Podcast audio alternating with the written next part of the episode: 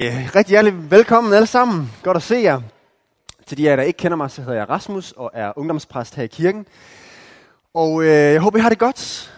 Øh, midt i alt det her råd, der lidt er lige nu med corona, der øh, kommer lidt tilbage nu. Øh, vi er i hvert fald lige i dag blevet et øh, rødt land i Norges øjne. Det betyder, at vi ikke bare kan komme til Norge, og det havde jeg ellers tænkt mig om to uger, til et phd kursus men det skal jeg så ikke alligevel. Så det var meget fedt. Øh, men der er lige kommet Disney+, Plus, så det hjælper måske lidt på det. Øh, så jeg håber, jeg har det okay, trods alt. Og øh, beklager, men det betyder altså også, at vi her i kirken er nødt til at gå lidt op i de her regler, og holde den her afstand, og at vi, når vi sidder inde ved siden af, også stadigvæk kun kan sidde seks omkring bordet. Øh, og også selvom at det er efter mødet, og vi spiller spil og sådan noget. Jeg kommer nok til at være lidt mere efter jer øh, fra nu af desværre. Men øh, det er her, vi finder os selv. Og nu skal vi så begynde en mega spændende serie på fire uger, som vi kalder for Kristendom er fake news. Og det er jo ligesom en indvending imod kristendommen. Det er jo bare fake news. Og fake news er jo nogle nyheder, som nogen bringer op, som i virkeligheden er falske. Som i virkeligheden ikke er nyheder, men som bare er øh, opspind. Og det er der nogen, der mener, at kristendommen er, det er bare en god fortælling, som nogen har fundet på. Og her kommer altså fire indvendinger imod øh, kristendommen, som vi skal se på i løbet af de her fire uger. Og jeg håber, det har ja, jeres interesse, og jeg håber, det vil være en tid, hvor I har lyst til at invitere jeres venner med, og dele podcasten øh, til jeres øh, venner og på jeres Facebook, og alt sådan noget. Vi podcaster jo hver uge. Øhm, det kan godt være, at vi lige skulle dele den her på øh, Belkirkens Facebook-side igen, så I lige kan se det igen. Øhm, vi tror i hvert fald på, at det her det bliver mega, mega spændende. Og øhm, den her uge, der er det altså, der kan ikke kun være én sand religion. Næste uge, der har vi en debat mellem islam og kristendom. Det kommer jeg tilbage til at sige lidt om til sidst her i vores gudstjeneste.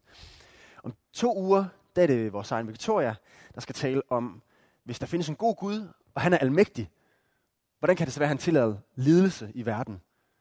Så kan Gud ikke findes. Hvad skal vi svare til det? Og om tre uger, der skal vi se på, jamen er kristendommen i virkeligheden ikke bare på vej væk? Er det ikke noget, der hører fortiden til? Og der får vi besøg af en Christian Dolberg fra øh, Aarhus. Han er rigtig, rigtig fed. Ja, så det er virkelig et lækkert program, vi har foran os, og jeg håber, at I øh, glæder jer til det. Men den her uge er det altså, der kan ikke kun være én sand religion. Og øh, den her prædiken bliver lidt mere filosofisk, i stedet for at være øh, bare bibelsk, som vi ellers godt kan lide at gøre i dagligstuen, og gå et stykke i Bibelen igennem sammen. For eksempel havde vi et halvt år, hvor vi læste hele bjergprædiken igennem sammen. Det var mega fedt. Og øh, vi skal tilbage til noget af det Bibel senere, men nu er det den her serie, hvor det bliver sådan lidt mere tænkende, lidt mere argumenter. Øhm, og den her serie bliver lidt mere til hovedet, mens vi andre gange snakker lidt mere til hjertet. Men de kan ikke adskilles, de to ting. Så i dag vil det selvfølgelig også have noget med vores hjerte og følelser og liv at gøre. Men lad os starte med at prøve at præsentere den her indvending. Er I klar på det? Så nu prøver vi at lade kritikeren tale først, og så prøver jeg at øh, svare noget bagefter. Okay? Og så må I så synes, hvad I synes, hvem der vandt. Øh, yes. Indvendingen imod kristendom går sådan her. Der er uendelig mange religioner i verden. Der er kristendom, der er islam, der er buddhisme, hinduisme, sikhisme, Confucianism, and now I'm very confused, Baha'i, Taoisme, og tusinder, hvis ikke millioner af andre religioner derude. Så hvorfor skulle det lige netop være kristendommen, der er den sande religion? Hvorfor kunne det ikke lige så godt være en af de andre religioner? Og er det ikke pudsigt, at du, Rasmus, i et kristent land, påstår, at det er kristendommen, der er den sande religion, frem for de andre religioner? Og så vil ateisten her sige, jamen tyder det ikke mere på alt det her, at der netop ikke er nogen religion? Øh, at så mange forskellige mennesker kan være uenige, det viser jo bare, hvor latterligt det her det er. Det med at tro på Gud. Og at det bare er noget, mennesker finder på selv. Og så får det alle mulige forskellige former. I alle mulige forskellige kulturer. Ja, nu er vi sådan lagt den grundlæggende, og der er flere ting i det, vi skal komme ind på med indvendingen her. Men hvad skal vi svare til den her indvending grundlæggende? Vi kan jo svare, jo, men der kan jo kun være én sand historie om virkeligheden. En sand tilgang til virkeligheden. Der må jo kun være en sand historie. En sand virkelighed. Og så kan man spørge artisten, hvorfor skulle det lige være din livsopfattelse, der skulle være den rigtige så, når der er så mange livsopfattelser i verden? Altså, man kunne lige så godt vente noget rundt. Ateisten gælder jo også i det her. Det er jo også en livsopfattelse. Det er også en overbevisning. Man kan ikke komme udenom det her. Her kommer ateisten faktisk også til kort. Øhm, og der må jo være en ting, der er sand.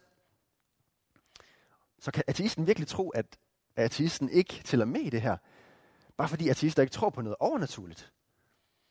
Ateisme er lige så meget en overbevisning, som tro er. Og øhm, ja, så bare fordi der er mange religioner, så er der så ingen logik, der siger, at der pludselig, at det pludselig kun er ateismen, der giver mere mening eller er mest overbevisende. Faktisk måske tværtimod, hvis vi lige tænker over det. Hvis der er så mange religioner, og der er så mange religiøse mennesker i verden, faktisk mange flere, end der er ateister, kan jeg vide, om det så ikke er fordi, at der måske er noget om snakken? Om det er fordi, der måske er noget overnaturligt, der findes? At der er noget mere end bare det, vi kan se og føle. Øhm, så måske er der noget om snakken, og måske er der en mere logisk tolkning af verden, end den, som ateisten har. Men det stiller os så med det næste spørgsmål. Og det er, jamen kunne det ikke lige så godt være, at alle religionerne bare kender til lidt af sandheden? Og at der så er en sandhed, som ingen af os rigtigt kender det hele af. Og det er lidt mere sådan en indvending fra agnostikere, altså folk, der tror på, at der er lidt mere mellem himmel og jord, men ikke helt ved, hvor man skal placere det. Øhm, og her bruger man typisk fortællingen om nogle blinde mænd og elefanten. Har I hørt den før? Øhm, der er nogle blinde mænd, der prøver at beskrive, hvad det er, de har fundet her. En elefant. Og de beskriver det forskelligt, fordi der er en, der har fundet et ben. Og der står og holder om det, og som siger, okay, en elefant er som sådan en høj, stor, robust stamme, øh, som sådan søjleagtigt. Det er, sådan, det er en elefant. Men en anden står med snablen og siger, nej, nej, nej, det er meget mere sådan blødt og langt, og øh, har et hul i midten og øh, kan tro det og sådan noget. Og en anden har fat i halen og siger, nej, nej, nej, det er sådan tyndt og sådan lidt slapt-agtigt. Og de prøver alle sammen at beskrive elefanten, men de har i virkeligheden kun set en del af elefanten. Og kunne det være sådan med religionerne også? At vi i virkeligheden kun kender til en del af det overnaturlige, og vi i alle vores religioner kun sætter en ord på en del af det. Øhm, men, vil jeg så sige, i virkeligheden, så er der jo ingen af os, der kan sige det der. Altså, jeg forstår godt pointen i, så vil, så vil man sige som artist, eller nej, nok mere agnostiker, så vil man sige, at så skal vi have ydmyghed, så kan vi ikke bare komme og sige, jeg kender sandheden. Vi kan alle sammen kende lidt til sandheden, men øhm, der er jo også et problem med det her. Og det er, at det kun er en påstand, man kan komme med, hvis man kender hele billedet. Altså det kan kun mening, hvis du ved, hvordan hele elefanten ser ud. Ellers kan du komme og sige, at andre tager fejl om det. Og så er du faktisk lige så arrogant, som den, der siger, at det er ligesom en søjle. Hvad nu, hvis det er en søjle? Hvor, hvor ved du fra, at det er bare det andet? Og igen, så kommer agnostikerne også til kort her. Så nogle gange så skal man prøve at vende de her spørgsmål rundt. Kan I se det? Det argument, det undermineres faktisk sig selv. Men på, den her person påstår, at man kun kan se en del af sandheden. Men hvorfor kan den her person så se hele sandheden? Ikke? Det kan ikke mening. Så argumentet om, at ingen kan, sende, kan kende hele sandheden, holder altså ikke. Hvorfor skulle vi ikke kunne kende, i hvert fald til, altså for man ikke hver detalje, men i hvert fald vide, hvad sandheden er. Hvorfor er der ikke nogen i verden, der skulle kende den? Det er da muligt. Det er da ikke logisk umuligt. Men hvad så med det her? Jamen Rasmus, du er vokset op i et kristent land. Du er totalt farvet. Hvorfor kan du stå og sige, at det er kristendommen? Hvis nu du havde vokset op i Mellemøsten, så havde du nok været muslim i stedet for. Og ja, måske. Men igen, så fyrer det her argument bare lige tilbage i hovedet på den, der giver det. Fordi øh, man kunne jo omvendt sige til ateisten, hvorfor skulle jeg så tro på dig, som er vokset op i et sekulært land, hvor der nærmest ikke er nogen, der tror på øh, den kristne Gud mere, hvor nærmest alle er praktiserende ateister, mens de fleste i resten af verden tror på en Gud. Så er det egentlig ikke bare din lille lukkede vestlige verden, der farver dig? Kan I følge det? Man kan lige så godt vende den rundt også. Og det vil jo så sige, at argumentet ikke holder. At alle er farvet af det, man er vokset op i. Men det forhindrer os da ikke i at snak om, hvad sandheden er. Og det udelukker slet ikke muligheden for, at der må være en sandhed om verden. Og den sandhed godt kunne være et af de verdensbilleder, som et af religionerne i verden præsenterer. Om det så er ateisme, islam eller måske kristendom. Okay, nu er det dagligstuen, og vi gør altid det sådan her, at vi taler om tingene undervejs, så det er ikke bare mig, der står og plapper og holder en ene tale. Og det betyder, at øh, I nu kan få mulighed for at vende jer til jeres sidemarker, og så vil der komme et spørgsmål her, og så kan I snakke om det. Og I bestemmer selv, hvor dybt I vil gå, og personligt I vil gå. Men øh, her kommer det første spørgsmål, som I lige får nogle minutter til at snakke om. Og det er, hvad tænker du om argumentet om, at kristendom ikke kan være sand, fordi der er så mange religioner? Okay? Prøv at stille i sidemarker det her spørgsmål. Alle sammen. Lad os fortsætte sammen her. Nu kommer vi så til det helt store spørgsmål. Så okay, jeg har påstået, at der er en sandhed om virkeligheden. Og jeg har også påstået, at det er muligt, at vi kan kende til den sandhed. Hvorfor skulle vi ikke kunne det? Men nu kommer det store spørgsmål så. Men hvorfor så lige kristendommen? Hvorfor skulle det så lige være den religion, der er den sande religion? Øh, hvorfor ikke en af de andre livsanskuelser i verden? Og øh, det her det kommer vi særligt ind på i øh, næste uge, hvor øh, vi skal have debatten imellem øh, David og Nils, en kristen og en muslim, som øh, skal diskutere det her imellem to religioner, og det bliver mega spændende, og der bliver proppet herinde, og det bliver så godt. Øh, men jeg vil allerede i aften prøve at give øh, lidt argumenter, lidt svar i aften, fordi det bliver noget helt andet næste uge. Det bliver på et helt andet præmisser, på en helt anden måde. Øh, men jeg vil påstå, at kristendommen virkelig adskiller sig fra de andre religioner. På en virkelig god, på en virkelig radikal og afgørende måde. Og det, det hele kommer ned til, det er grundlæggende Jesus. Øh, det er Jesus, der gør kristendommen til noget særligt. Og det er derfor, kristendommen er opkaldt efter ham. Kristus, den udvalgte. Og der er mange andre grundlæggere af religioner. Der er Buddha for buddhismen.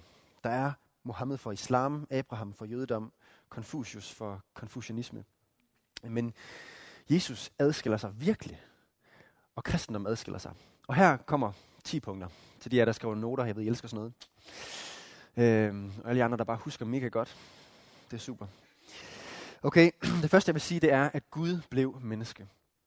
At i stedet for, at vi skulle kæmpe for, som man gør i mange andre religioner, at være øh, god nok og blive faktisk guddommelige, som nogle religioner taler om. Øh, for at leve godt nok til at komme på en måde op til Gud og blive accepteret af ham, så er kristendommens fortælling, at Gud han tager det første skridt og kommer ned til os, for at få en relation med os i stedet for. Så hele sådan en grundlæggende bevægelse i kristendommen er bare så radikalt anderledes. Hvis det er opad for alle mulige andre religioner, så er kristendommen nedad. Så det er Gud, der bliver menneske, i stedet for os, der skal blive guddommelige.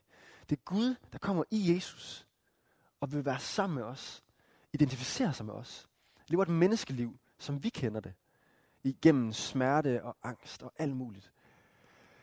Og han forstår os som en menneske, og han kom for at have en relation med os mennesker. Det er bare totalt anderledes. For det andet så vil jeg sige, at Gud bærer vores straf i kristendommen. I stedet for, som det er i mange andre religioner, øh, for eksempel islam, hvor den religiøse leder og stifter var en krigsherre, som tager mange andres liv, så er Jesus en religiøs leder, der gav sit eget liv. Han var ikke en, der var interesseret i politisk magt på den måde, men han gav det op. Han gav slip på det. Han ville slet ikke have det. Han gav sit eget liv for at købe os fri i stedet for. Og det er totalt anderledes. For det tredje, så er der friheden i kristendommen. I stedet for at skabe en kultur med frygt om, er jeg nu god nok til at passe ind? Bliver jeg nu accepteret af Gud? Så siger de kristnes Gud, du er god nok. Du er accepteret. Du er endda elsket af mig. Ikke betinget af, hvad du gør, men ubetinget. Fordi jeg har skabt dig. Og du kan ikke gøre noget for at miste den kærlighed. Og det giver dig frihed til at leve ud fra. For det fjerde vil jeg sige, at den personlige relation med Gud gør det totalt anderledes. I stedet for at have et eller andet fjernt forhold til en guddom, der kan være langt væk, så er den kristne Gud en Gud, der kommer tæt på os. Vi så det allerede i Jesus, da han levede på jorden i en bestemt årrække, men også efterfølgende, da han har sendt sin ånd til os. Og at vi nu her kan være sammen med Gud på en måde igennem hans ånd. Og vi kan tale med ham. Når vi beder, så taler vi til ham. Når vi læser i Bibelen. Og på andre måder, så kan vi høre fra ham. Vi kan have en personlig relation med Gud. Det er for vildt. Han er ikke bare en fjern Gud, og det man kan kalde for deisme, der betyder, at Gud og verden er to adskilte ting. At han skabte verden, og så forsvandt han fra den. Nej, Gud han er en personlig Gud, som vi kan have et forhold til. Der er nær ved os. Det er også totalt anderledes. En femte ting, der er mega anderledes ved kristendommen, sammenlignet med mange andre religioner, det er, at den er mega multikulturel. Jeg ved ikke, om jeg har tænkt over det, men rigtig, rigtig mange religioner i verden, de er sådan koblet op på en bestemt kultur, og måske endda et bestemt sprog. Igen, hvis man sammenligner med islam, så er det jo arabisk, man helst skal kunne for at læse Bibelen. Men i kristendommen, der ser kristendommen totalt forskellig ud. I alle mulige forskellige kulturer, og på alle mulige forskellige sprog. Prøv at tage til en gudstjeneste i Afrika, hvor de hopper og danser, og det stikker helt af i fire timer. Ikke også til en gudstjeneste. Og så er vi her i Danmark, hvor det kan være meget mere stille og roligt osv. Det, det, kristendommen kan ligesom på en eller anden måde indpasse sig i alle kulturer, fordi Gud er Gud for alle kulturer og for alle sprog. Du behøver ikke at kunne tale et eller andet bestemt sprog, eller spise på en bestemt måde, eller være klædt på en eller anden bestemt måde for at være kristen. Du kan være dansker og være kristen. Ikke? Være helt dansk og være kristen. Og du kan være jøde, messiansk jøde og være kristen. Eller du kan være araber og være kristen. Eller du kan være whatever. Ikke? Jeg siger jøde, fordi at, øh, det for dem også er noget kulturelt, bare lige for ikke at forvirre jer. Så de vil gerne kaldes messianske jøder. Så det er sådan kristne, som beholder den der kultur. Og det er det, der er pointen. Så det er en multikulturel religion. For det sjette, så er der næstekærligheden. Og det er der også noget af i mange andre religioner. Men den her kristne næstekærlighed er virkelig taget langt. Virkelig gone crazy.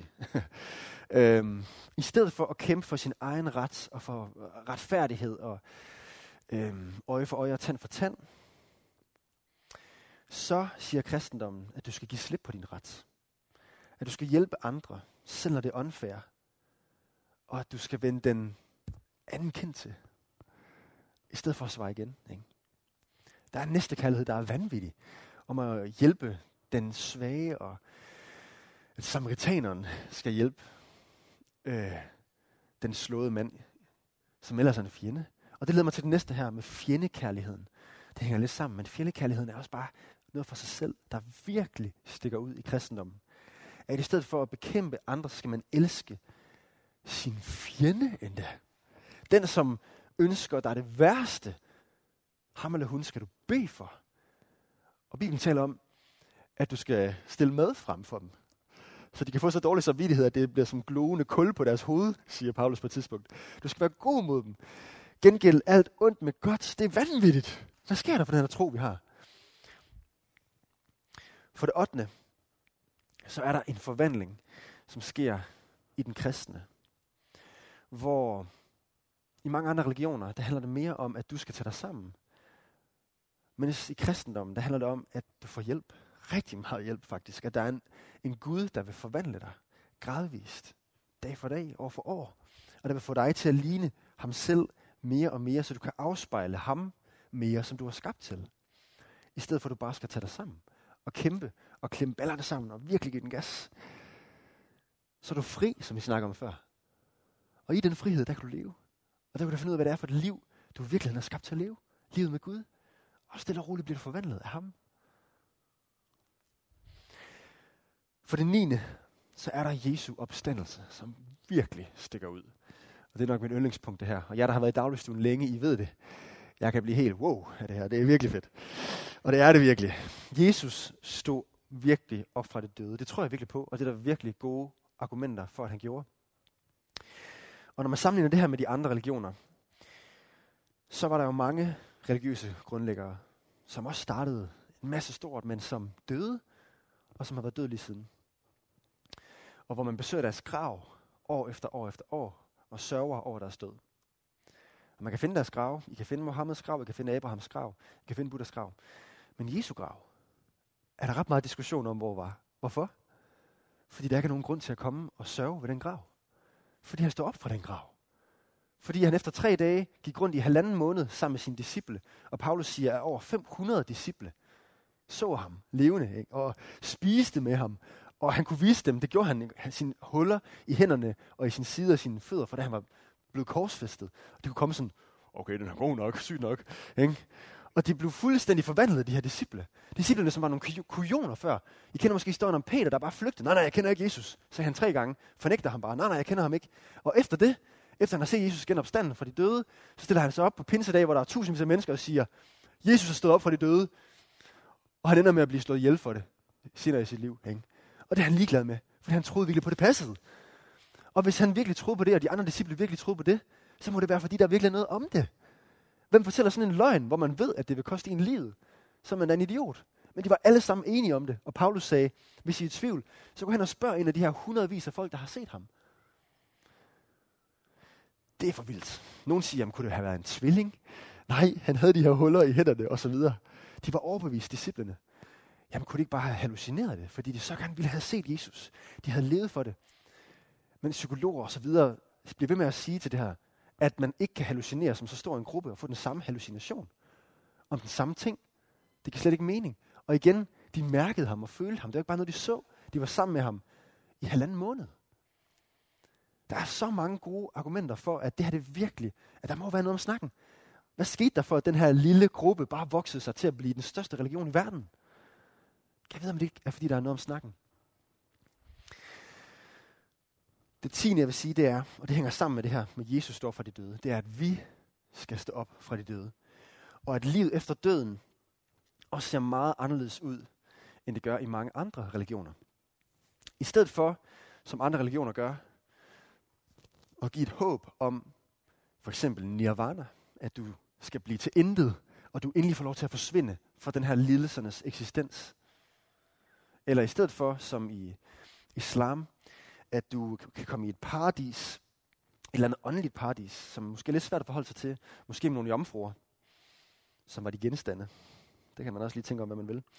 Så taler kristendom om en god fysisk virkelighed, som vi kender det på den her verden, med en jord, som bliver fornyet, og at Gud han fjerner det, der er i vejen med verden, og vi skal leve det liv, vi virkelig var skabt til.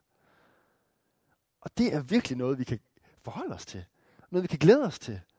Noget, som giver mening for os. I stedet for bare at skulle forsvinde, for eksempel. Det virker meningsløst. Det virker det her liv også meningsløst.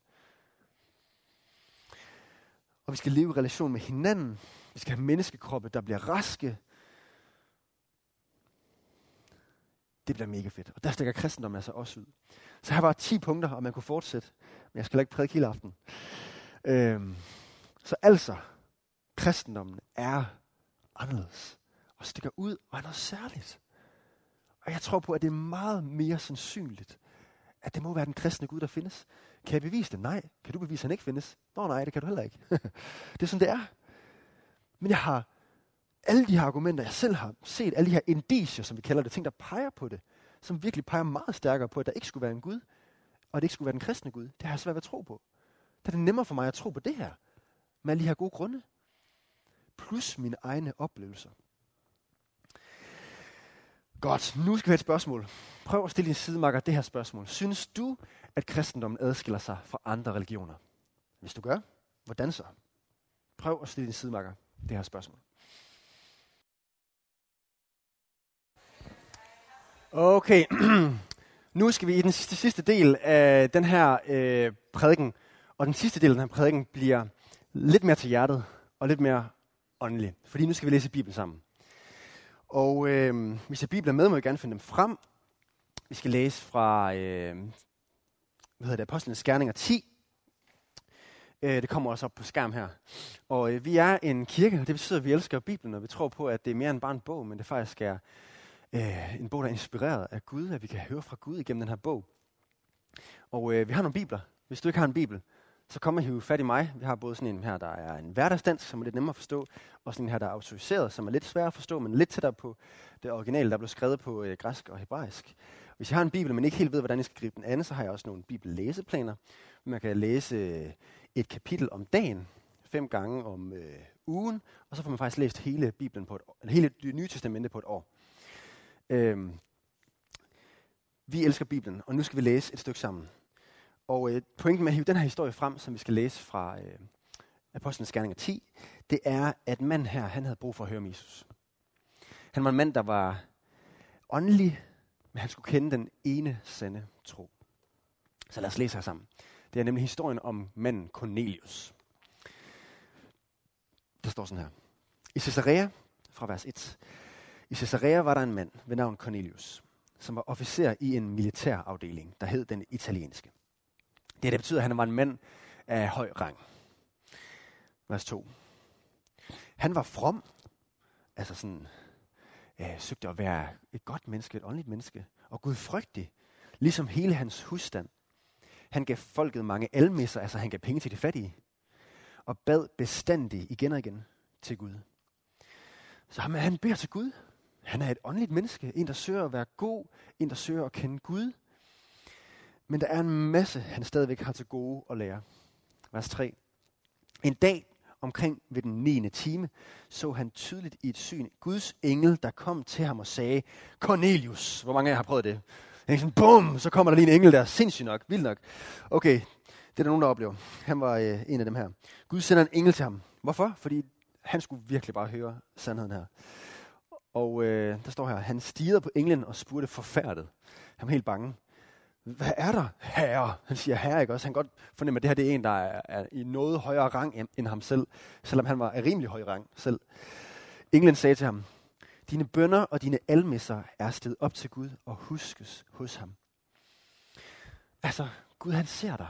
Og det samme gælder alle os andre. Gud han ser os. Han ser alle mennesker og alle menneskers handlinger og stræben efter at kende Gud. Men han stopper ikke der. Han vil have, at de skal kende til den sande Gud. Og den sande religion at man skal kende til kristendom. Men englen vil ikke fortælle det selv her. Det er sådan lidt sjovt. Han vil hellere have, at Cornelius møder sandheden igennem kirken. Så vers 5 siger, Send nu nogle folk til Jobbe efter en mand, der hedder Simon, med tilnavnet Peter. Det er altså disciplen Peter, som har gået med Jesus i tre år. Og øh, har oplevet ham stå op fra de døde, og lidt snakke om før, ikke også? Han bor hos, og det var der, gaveren Simon, en anden Simon, hvis hus ligger ved havet. Så han får også lige adressen her. Okay, så kommer en rimelig lang historie, øh, som vi lige øh, springer lidt over, hvor jeg lige genfortæller det her. Øh, og så hopper vi ind i teksten igen. Historien handler om, hvordan Cornelius han sender nogle folk til Peter, og Peter han får et syn fra Gud, om øh, at han gerne må tage med de her folk, selvom at gamle jødiske regler egentlig siger, at han ikke må tage med, ind til nogen, der ikke er jøder. Men nu er det en ny tid med kristendommen, så nu skal Peter bare følge med. Der er ikke noget at gøre, og Gud taler sådan rimelig tydeligt til ham. Okay, fair nok. Det er en helt anden historie, som vi kan tage en anden gang. Men nu fokuserer vi lige på Cornelius' side af historien. Peter tager med. Han kommer til Cornelius' hus.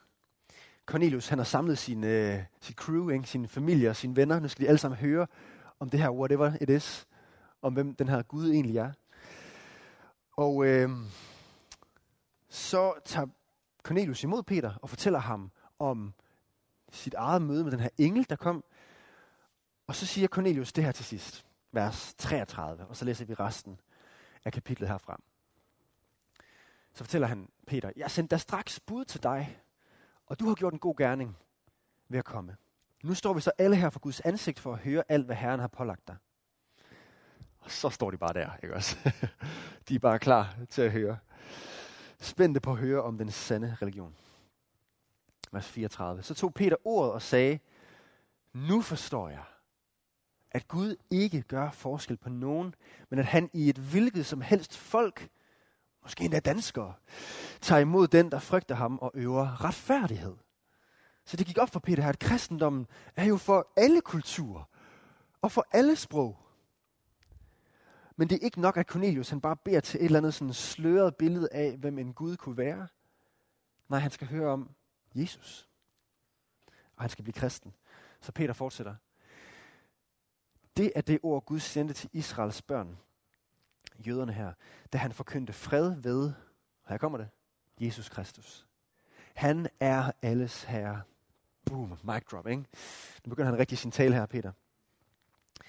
Og det er nok første gang, at Cornelius har hørt rigtigt om Jesus. Han har nok hørt om historien om Jesus, og om ting, der er sket, fordi det fyldte så meget i den daværende verden på det tidspunkt. Det har skabt rimelig meget røre i hele landet. Han siger i hvert fald også selv, Cornelius, nej undskyld, Peter her, til Cornelius. I ved, hvad der er sket i hele Judæa.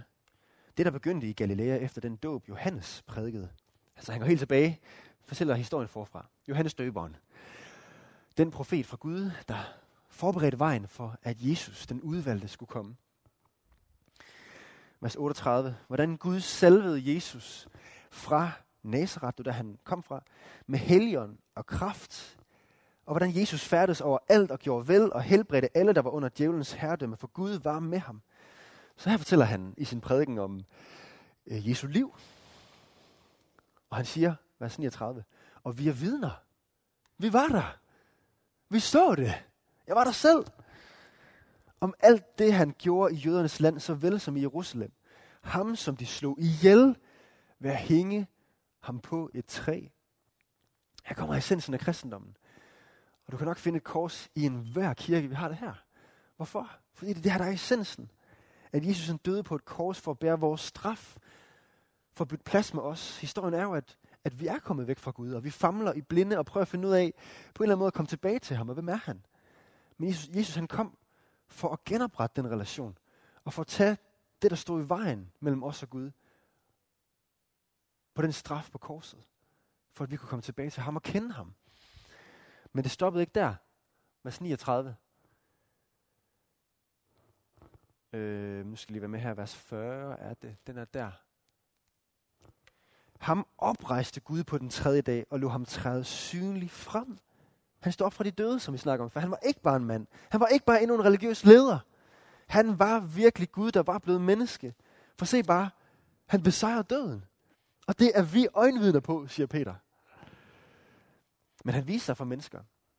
Han siger, vers 41, ikke for hele folket, men for os, der i forvejen var udvalgt af Gud til at være vidner, vi som spiste og drak sammen med ham, efter han var opstået fra de døde. Så det var ikke for alle. Men det var for disciplene, det var for dem, der havde fulgt ham. Og der var nogle gange tusindvis af mennesker, der fulgte Jesus, nogle gange mindre grupper. Og Paulus siger, at der var, der var over 500, der så ham på én gang på et tidspunkt. Og historien slutter ikke der, vers 42. Og han befalede os at prædike for folket og vidne om, at det er ham, Gud har bestemt til at være dommer over levende og døde. Så Peter siger, han har bedt mig om at sige det her. Jeg har ikke så meget at gøre, det er ligesom ham, der har sendt mig. Vers 43. Om ham vidner alle profeterne, at enhver, som tror på ham, skal få have de gode nyheder, syndsforladelse ved hans navn. Altså syndsforladelse er tilgivelse. At synden, det forkerte, vi kan gøre, det der hiver os væk fra Gud og ind i forkerte ting i vores liv, det det, det synd er, at det kan blive fjernet hos Jesus. Og den straf kan blive taget, og enhver kan blive tilgivet. Og det betyder, at du ikke skal stræbe efter at blive accepteret, men du er allerede accepteret på grund af, hvad Jesus har gjort. Og måske sidder du lige nu og tænker, ja, måske burde jeg tro på det her. Måske burde jeg virkelig tage imod. Og det tænkte Cornelius i hvert fald. Og for ham og hans familie og venner, så skete det her. Mens Peter endnu talte. Så han blev nok afbrudt i sin rigtig gode prædiken her, ellers. Glad for, det ikke er mig. Nej. øh, mens Peter endnu talte, kom Helligånden over alle, der hørte ordet. Helligånden kom til dem og gennem tro, en relation til Gud, og også nogle mirakler. Det står nemlig her i vers 45. Og de troende af jødisk herkomst, som var kommet derhen sammen med Peter, han havde lige taget nogle af sine venner med, undrede sig over, at Helligåndens gave også blev udgudt over hedninger, det betyder ikke jøder. For de hørte dem tale i tunger og lovprise Gud. Tale i tunger, det betyder, at de kan tale fremmed sprog lige pludselig, som man ellers ikke kan tale. Også et himmelsk sprog kan man tale nogle gange. Det kan tælle mere om en anden gang. I kan komme og spørge, hvis det er.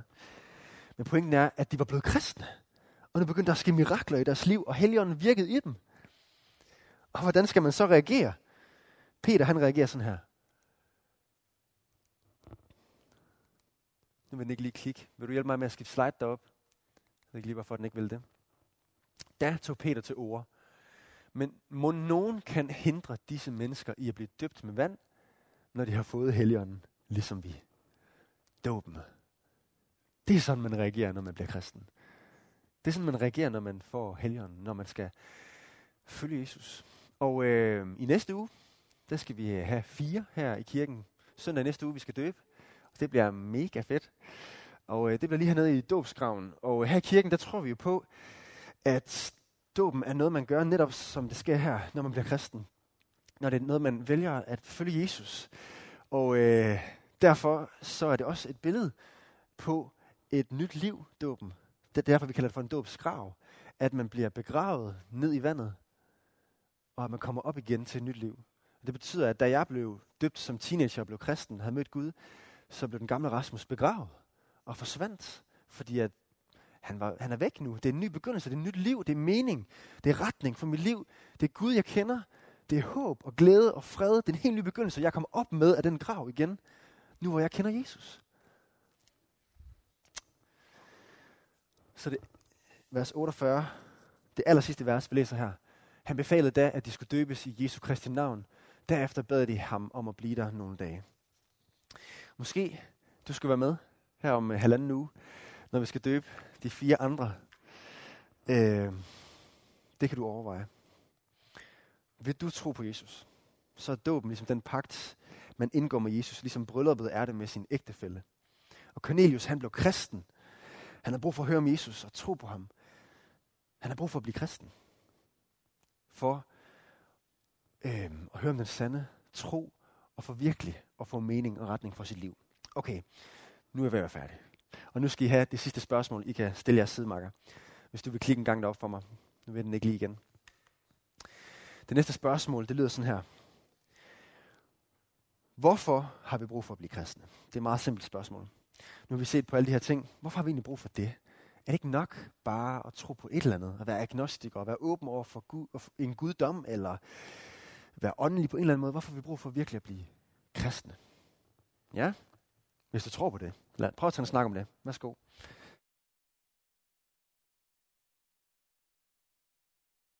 Lad os øh, stoppe snakken her. Og øh, nu er det tid til, at vi skal have nadver. Nadver er et gammelt øh, dansk ord, der betyder måltid. Og det er fordi, at det øh, handler om det sidste måltid, Jesus havde, inden at han gav sit liv. Og det var det, han sagde, at vi skulle gøre igen og igen for at mindes Jesus, og for så at sige at tage imod ham, og tage imod hans tro.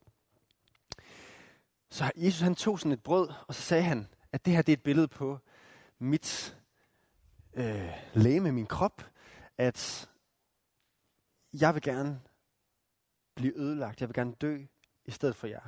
Og så brød han brødet. Og så sagde han, det her det skal I huske på. Og så sendte han det rundt, så at folk kunne spise af det, og så at sige få Jesus ind i sig. Og det er en mega konkret måde, man kan sige ja til Gud på.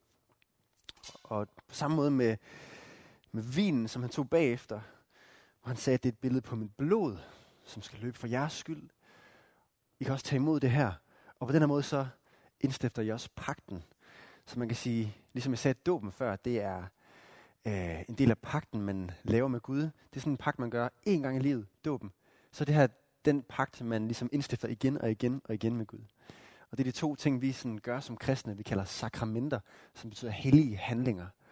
Det er sådan med sådan nogle helt fysiske ting, hvor vi kan sige, yes Gud, jeg ved dig, jeg tror på dig. Så det er en mulighed for dig i aften, for at tage imod, øhm, hvis du har lyst. Skal vi ikke bede sammen?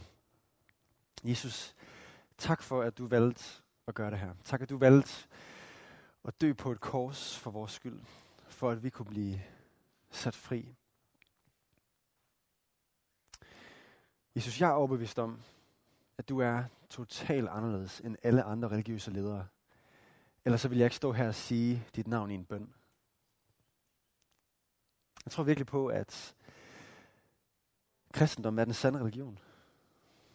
Og at det meget mere end bare handler om en religion som alle andre, hvor det måske mere kan handle om regler, men det handler meget mere om en relation.